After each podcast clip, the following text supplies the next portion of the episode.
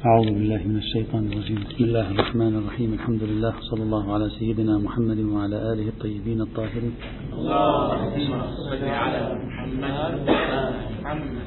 كنا بصدد استخلاص التصور من دلالة هذه الآية القرآنية الكريمة على شكل نقاط. أولا كان أن السياق في هذه الآية واضح أنه سياق خبري. فمن الصعب حينئذ أن نبتر الآية القرآنية عن هذا السياق الخبري تحدثنا بالأمس عن موضوع السياق. هذا كان أولا ثانيا أي تقييد أو أي حصر لدلالة هذه الآية لا يحمل في داخل الآية مبررا له؟ ينبغي أن يكون مستبعدا. مثلا أن نقول التقييد بالحجة والدليل. يعني لا يجعل الله للكافرين على المؤمنين حجة ودليلا. سبيلا عام لا تختص فقط بالحجة والدليل. أو التقييد بالأمور الاعتبارية كما هي الفرضية الأخيرة وعدم الشمول للأمور التكوينية لا في الدنيا ولا في الآخرة لا علاقة للآية بالإخبارات مثلا.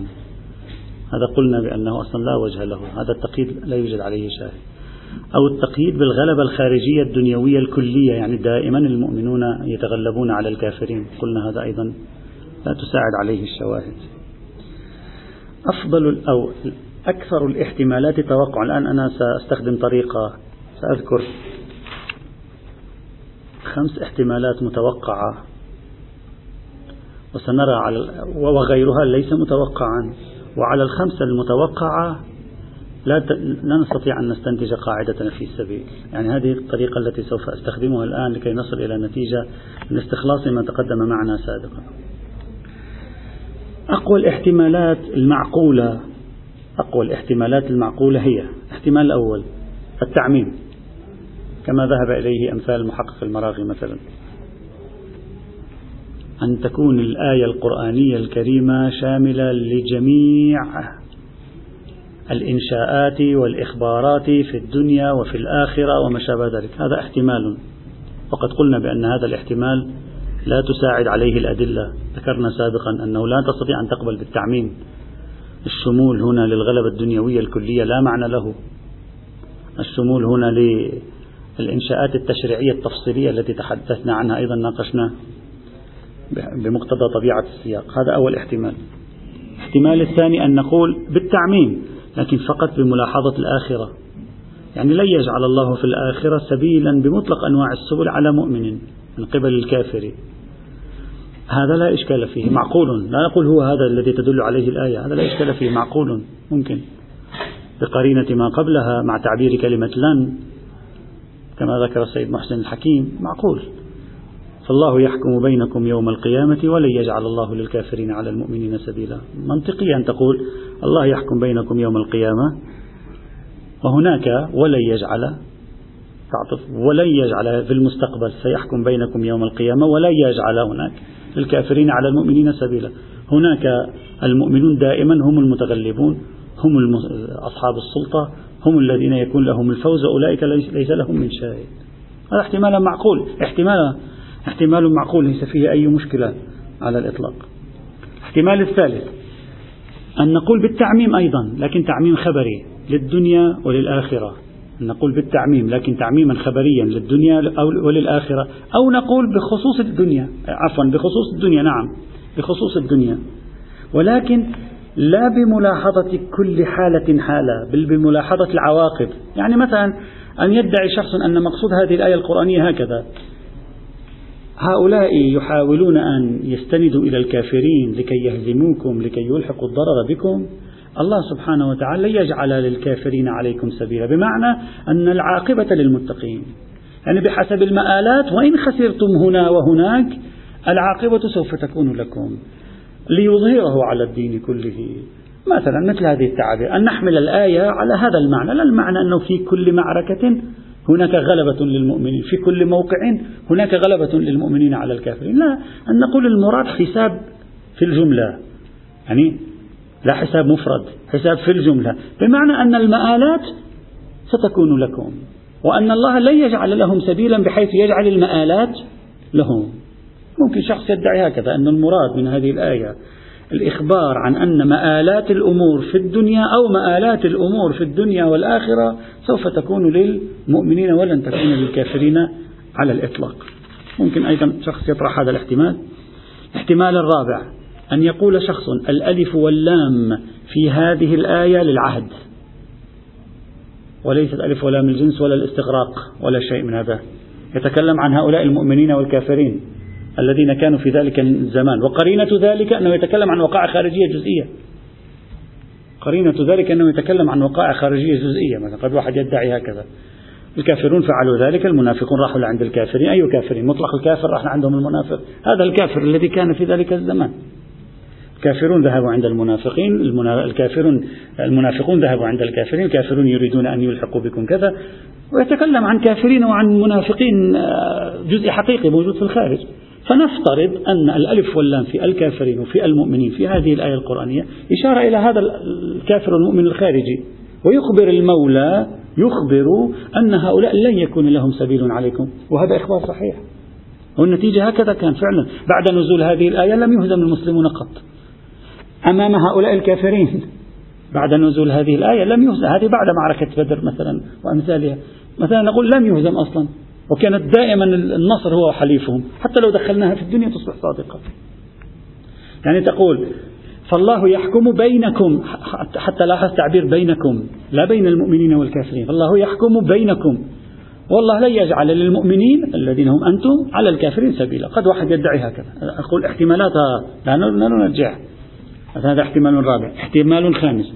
أن نلتزم بأن هذه الآية إما بالإطلاق أو بالتخصيص.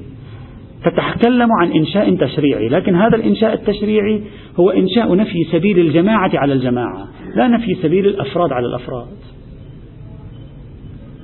يعني كما قلنا بالأمس أصلا ليست ناظرة هذه الآية لعلاقة الأفراد مع بعضهم بعضا. فرد مسلم على علاقة بفرد كافر. فرد كافر على علاقة بفرد مسلم. تتكلم عن جماعات. الله لن يجعل لجماعة الكافرين شرعا. لا يسمح الله لجماعة الكافرين أن يكونوا متسلطين على جماعة المؤمنين. إذا فسرنا الآية بهذا المعنى والقرينة آه، قريبة أيضا. قد واحد يقول لك القرينة قريبة. إذا أصريتم على أن المعنى إنشائي في هذه الآية فالسياق كله ناظر لعلاقة الجماعات. جماعة المؤمنين جماعة الكافرين جماعة المنافقين. فعندما يقول لن يجعل الله للمؤمنين على الكافرين سبيلا ويكون المراد إنشاء تشريع فالمراد هذه الجماعة. لا يجوز أن تتسلط على هذه الجماعة. يعني لا يجوز لغير المسلمين أن يتسلطوا على المسلمين. وهذا أصلا ثابت حتى بدون هذه الآية. هذا ثابت أيضا في محله. فتكون هذه الآية من بحوث فقه الجهاد من بحوث السياسة الخارجية ولا علاقة لها بكل هذه التفصيلات التي ذكرها الفقهاء لقاعدة نفي السبيل في الموارد المختلفة. فإذا أنت مثلا مثلا آه، جعلت نفسك أجيرا عند شخص كافر لا يقال إن جماعة الكافرين قد تسلطوا على جماعة المؤمنين. لا يقال إن الكفار تسلطوا على المسلمين. كجماعات نتكلم. لا ليس فيه. إذا عبد مسلم دخل في ملكية شخص كافر لا يقال إن جماعة الكافرين متسلطون سلطوا الآن هم المهيمنين على جماعة المسلمين على أمة المسلمين. لا يقال ذلك أبدا. حتى لو جعلت شخصا في بلدية جعلته نائبا جعلته حتى لو جعلته وزيرا لكن ضمن الدولة الإسلامية وهم من الأقليات ومحكوم للنظام الإسلامي هذا لا يقال أن الكفار متسلطين على المسلمين. عنوان الكفار لا الكافر فإذا أخذنا هذا الاحتمال الخامس نقبل حينئذ بالإنشاء التشريعي في الآية ونقبل بقاعدة نفي السبيل لكن تكون قاعدة نفي السبيل أخص بكثير من المعنى الذي أراد الفقهاء أن يستنتجوه ممن اعتقد في قاعدة نفي السبيل. إذا يطلع معنا الآن نتيجة البحث بناء على سرد هذه الاحتمالات على الشكل الآتي. إن لم نقل الآن لاحظ إن لم نقل بأن هذه الآية خاصة بالمستقبل الأخروي بقرينة يوم القيامة. وإذا قلنا راحت دلالة الآية على المدعى. أو قلنا بأنها تشمل الدنيا والآخرة لكنها تلاحظ العواقب إن لم نقل بذلك. أو قلنا إنها ناظرة إلى الكافرين والمؤمنين في العصر النبوي.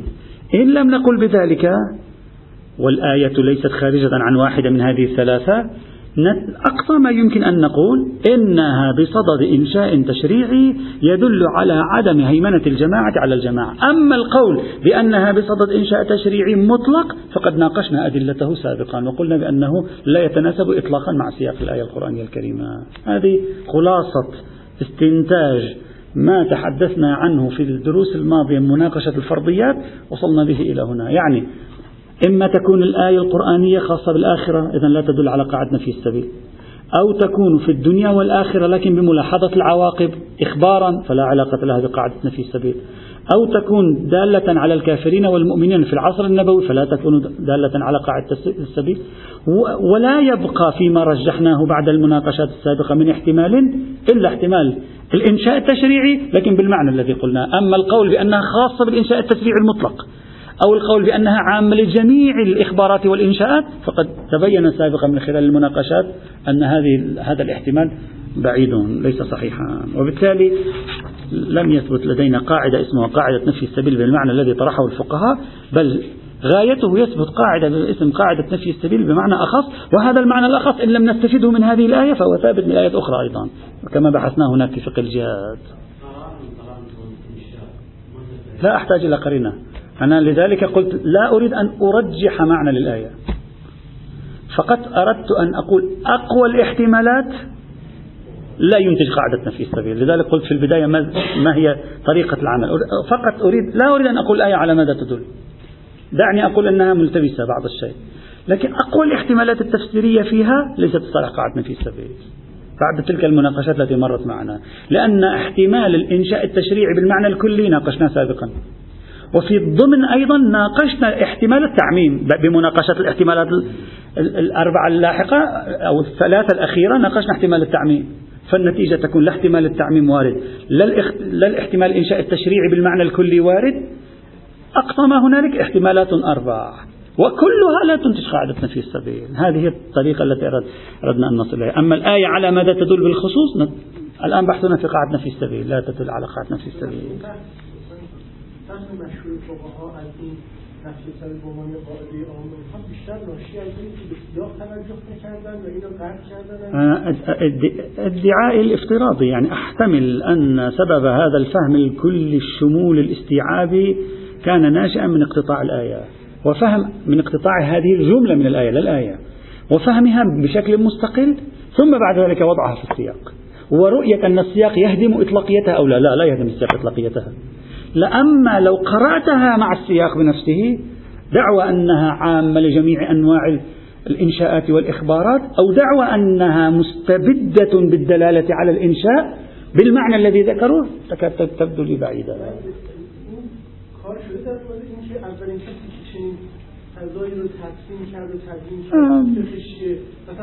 لم نبحث لم نبحث هذا موجود من زمن الشيخ الطوسي.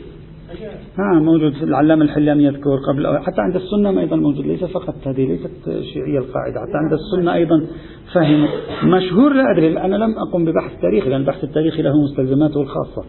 لكن هذه قديمة ليست مسألة جديدة. بالعكس المتأخرون هم الذين ناقشوا فيها.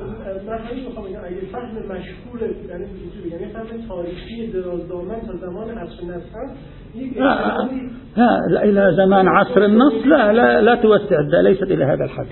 ادعاء أنها إلى زمان عصر النص كانوا يفهمون هكذا لا. فقهاء يفهمون ذلك. فقهاء من زمن لنفرض من زمن الشيخ المفيد فهموا ذلك. ولكن المتأخرين ما فهموا. يجي معنا دليل الإجماع أصلا. في أحد الأدلة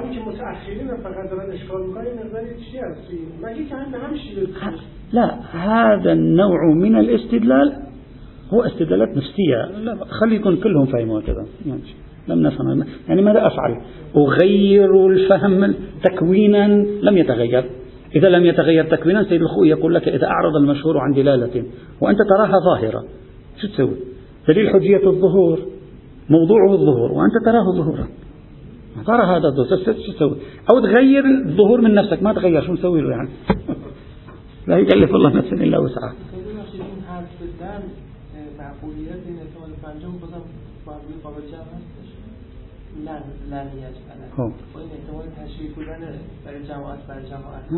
يعني بمعنى هو عندما تقول أنه بصدد إنشاء تشريعي يعني وإن الله هكذا يصير معنى الآية؟ هكذا. وإن الله لن يجعل في شريعته سلطة للكافرين على المؤمنين. هذا معنى الإنشاء التشريعي.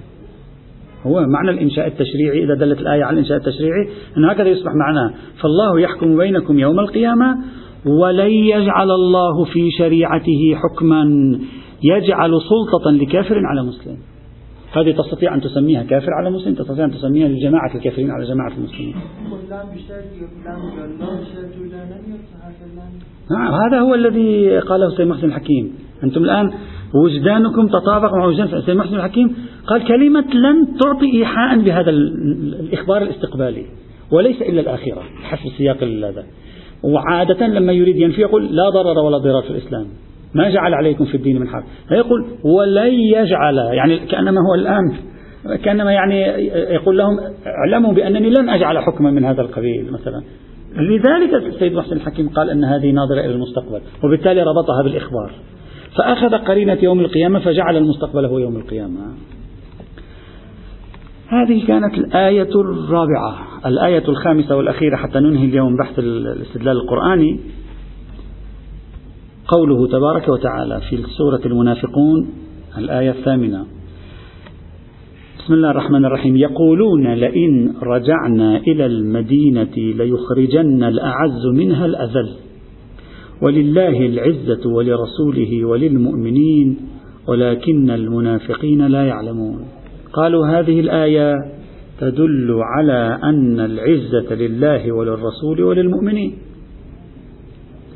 ومع هذه الآيات توجد العديد من الآيات القرآنية والروايات الشريفة التي تؤكد على عزة المؤمن وعلى عزة المسلم وعلى عزة المؤمنين والمسلمين وعلى شرف الإيمان والإسلام وشرف المؤمن والمسلم إلى آخره. طيب اجمع هذه الآية القرآنية الآن في سورة المنافقون مع مجموع النصوص القرآنية والحديثية التي تكرس دائما مفهوم عزة المسلمين. عزة المؤمن شرف المؤمن شرف المسلم. ما شئت فعبر. ماذا تستنتج منها؟ تستنتج أنه لا يعقل أن مولى سبحانه وتعالى يجعل العزة للمؤمنين ثم يشرع في دينه تشريعات تجعل الذلة للمؤمنين. وهكذا. يعني ما معقول؟ هذا المشرع الحكيم الذي قال لنا هذه الآية القرآنية الكريمة ومعها العشرات من النصوص الأخرى في الكتاب والسنة تؤكد على مفهوم عزة المؤمنين وعزة المسلم.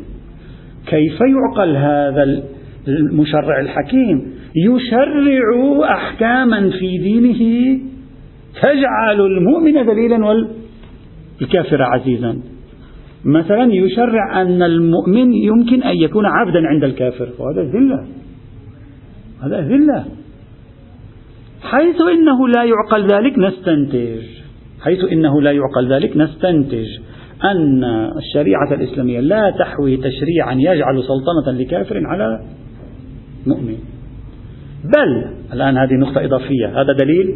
الآن دليل ثاني هو ترق للدليل الأول. بل هذه الآية بنفسها جعل تشريعي كما قال بعضهم. أصلا هذه في مقام الجعل التشريعي.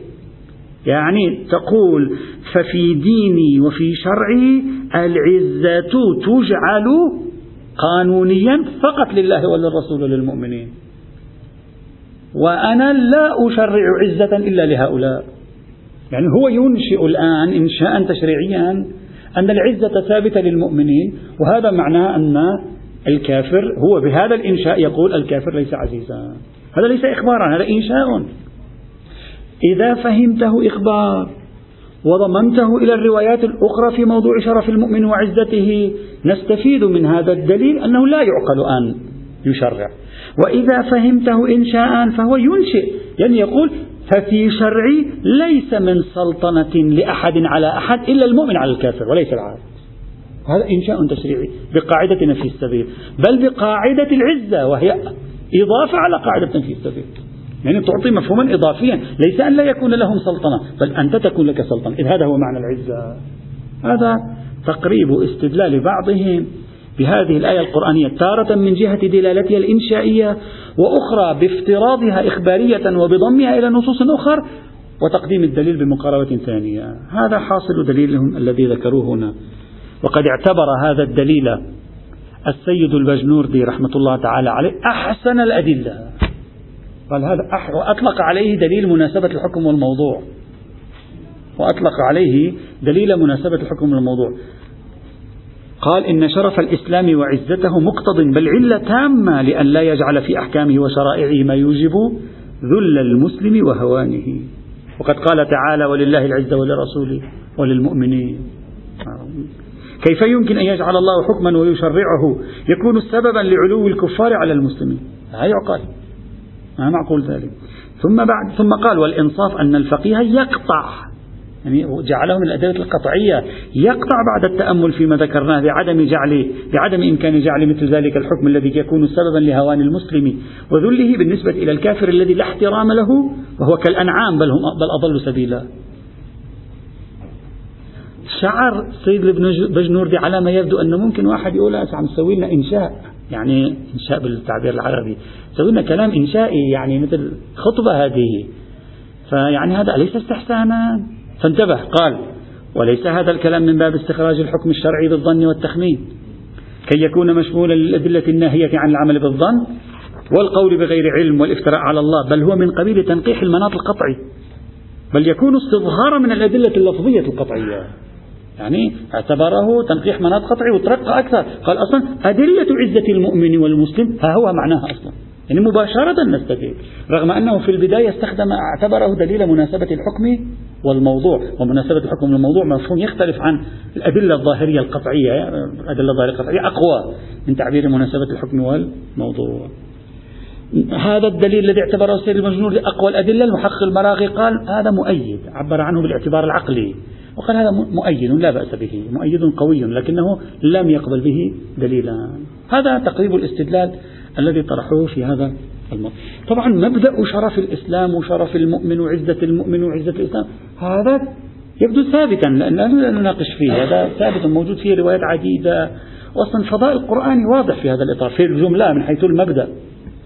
حتى أن بعض الفقهاء مثل ميرزا التبريزي رحمة الله تعالى عليه عندما يسأل يسألون السيد الخوئي يقولون له بأن شخص يريد أن يصافح امرأة في الدول الأجنبية يريد أن يصافح امرأة يعني في بعض الأحيان يلزم مفسدة أو ضرر إذا تمنع عن المصافحة فما فماذا نفعل؟ فقال لا يجوز المصافحة ما لم يلزم من من من ذلك يعني من ترك المصافحة مفسدة أو ضرر. هكذا يقول سيد الخوئي. يفتح باب الاستثناء.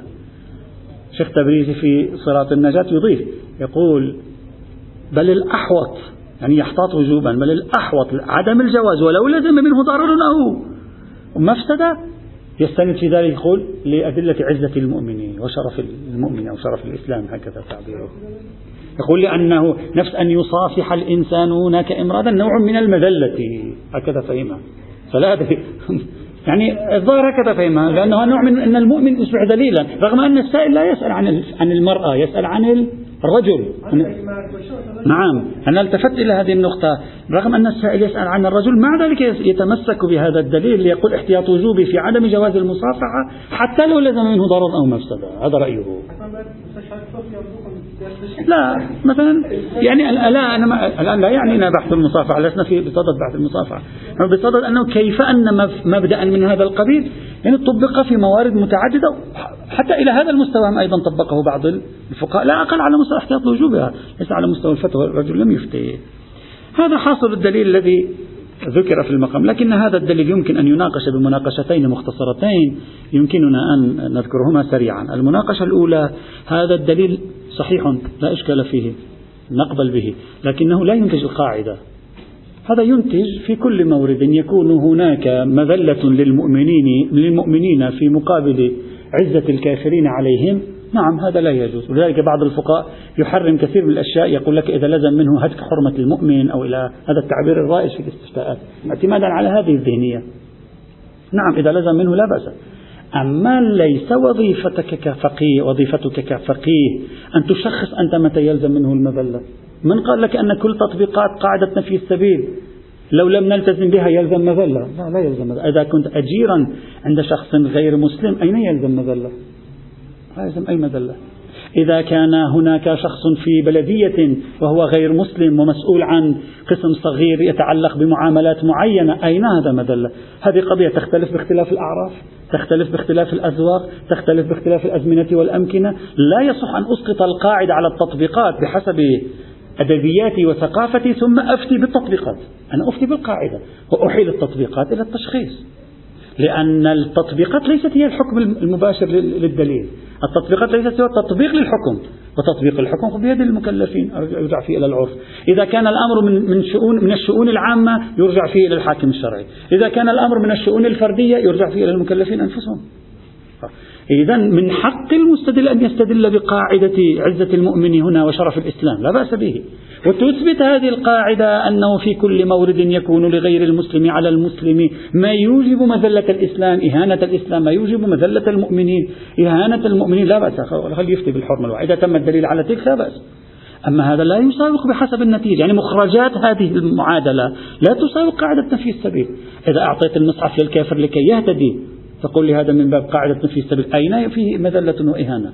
خاصة في زماننا هذا الذي يختلف عن الزمان السابق في الزمان السابق ربما إذا أخذت المصحف ربما يكون يوجب مذلة على المصحف الآن لا ربما يوجب هداية الطرف الآخر.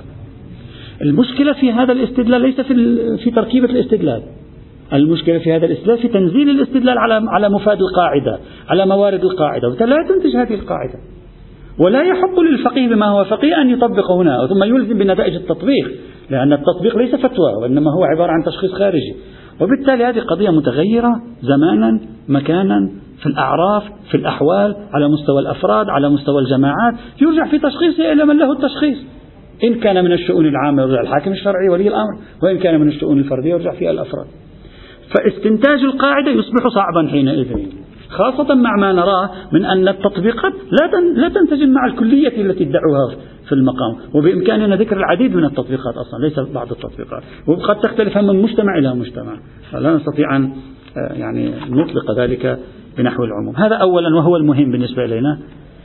ثانيا تعليق على تقريب الاستدلال بالآية القرآنية بوصفها إنشاء قانونيا. يعني الذي قال فلله العزة ولرسوله وللمؤمنين اعتبرها إنشاء وليست إخبارا.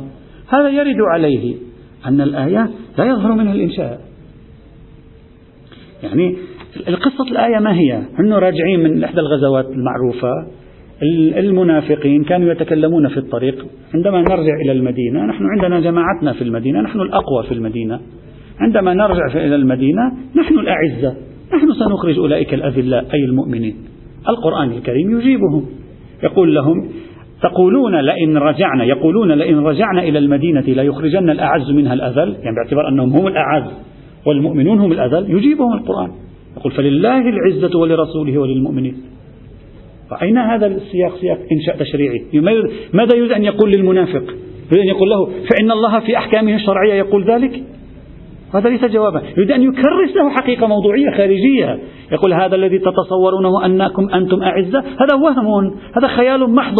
هذا هذا تصور آنا ما فقط ولا في الحقيقة ليس من عزة حقيقية إلا لله ولرسوله وللمؤمن لا سواء فسرنا العزة الحقيقية عزة باطنية؟ يعني المنظور هنا ليس منظورا ماديا. أو فسرنا العزة الحقيقية بمعنى الأمر الخارجي. خاصة وأن الرواية ماذا تقول بعد ذلك؟ تقول ولكن المنافقين لا يعلمون. ماذا لا يعلمون؟ يعني لا يعلمون الحكم الشرعي؟ أو لا يعلمون أن واقع الأمور أنهم يتوهمون أنهم الأعزاء. وفيما الأعزاء ليس إلا الله ورسوله والمؤمنون. الآية ليست منسجمة مع مع إنشاء بيان قانوني وجعل تشريع بقدر ما هي منسجمة مع مع حالة إخبارية، يعني أن يقول لهم أنتم تقولون أنتم الأعز، أنتم مخطئون، الله ورسوله هو الأعز. ولكن أنتم تتوهمون ترون بعيونكم الظاهرية عزتكم فيما العيون الباطنية التي نخبركم بها سترى أن العزة لله ولرسول المؤمنين أين هذه الآية من تركيبة جعل إنشائي في هذا السياق؟ بل سياقها كله إخباري. نعم. بعد أن تقول لي إن الآية تخبر عن عزة المؤمنين وتكرس عزة المؤمنين لا يعقل أن يكون في الشريعة حكم يوجب الإذلال؟ هذا تقريب ثاني ناقشناه قبل قليل. نحن نناقش الآن مباشرة الاستدلال بهذه الآية القرآنية الكريمة باعتبارها في مقام الإنشاء لا في مقام الإخبار. وهذا يبدو بعيدا عن تركيبة الآية وعن سياق الآية آه، هنا. النتيجة. باستعراض هذه الآيات الخمس من الآية الأولى إلى هذه الآية الأخيرة وأهمها طبعا التي فصلنا فيها آية نفي السبيل باستعراض هذه الآيات الخمس يتكرس عندنا مبدأ عزة المؤمن وعدم مزلته هذا لا شك لا يناقش أحد فيه. ولكن استخراج قاعدة باسم قاعدة نفي السبيل بالمعنى الذي هو محل التنازع. والمعنى الكلي الذي هو محل التنازع غير مقنعين. لم توجد آية قرآنية كريمة واضحة في هذا المعنى لقاعدة نفي السبيل بالشكل الذي وأبعد ما يمكن أن نستفيده إنشاء هو قاعدة نفي السبيل بالمعنى الذي قلناه في باب السياسة الخارجية لا في باب علاقات الأفراد مع بعضهم بالمعنى الذي فهمه الفقهاء. هذا على المستوى القرآني. إلا أنه يوجد مستويات أخرى بعد. بعد عندنا أدلة أخرى هذا فقط دليل قرآني. عندنا أدلة الحديث وبعض الوجوه الصغيرة الأخرى ينبغي أن نتوقف عندها. وأهم الأحاديث الحديث النبوي المشهور الإسلام يعلو ولا يعلى عليه. يأتي بعد آخر الأسبوع. الحمد لله رب العالمين.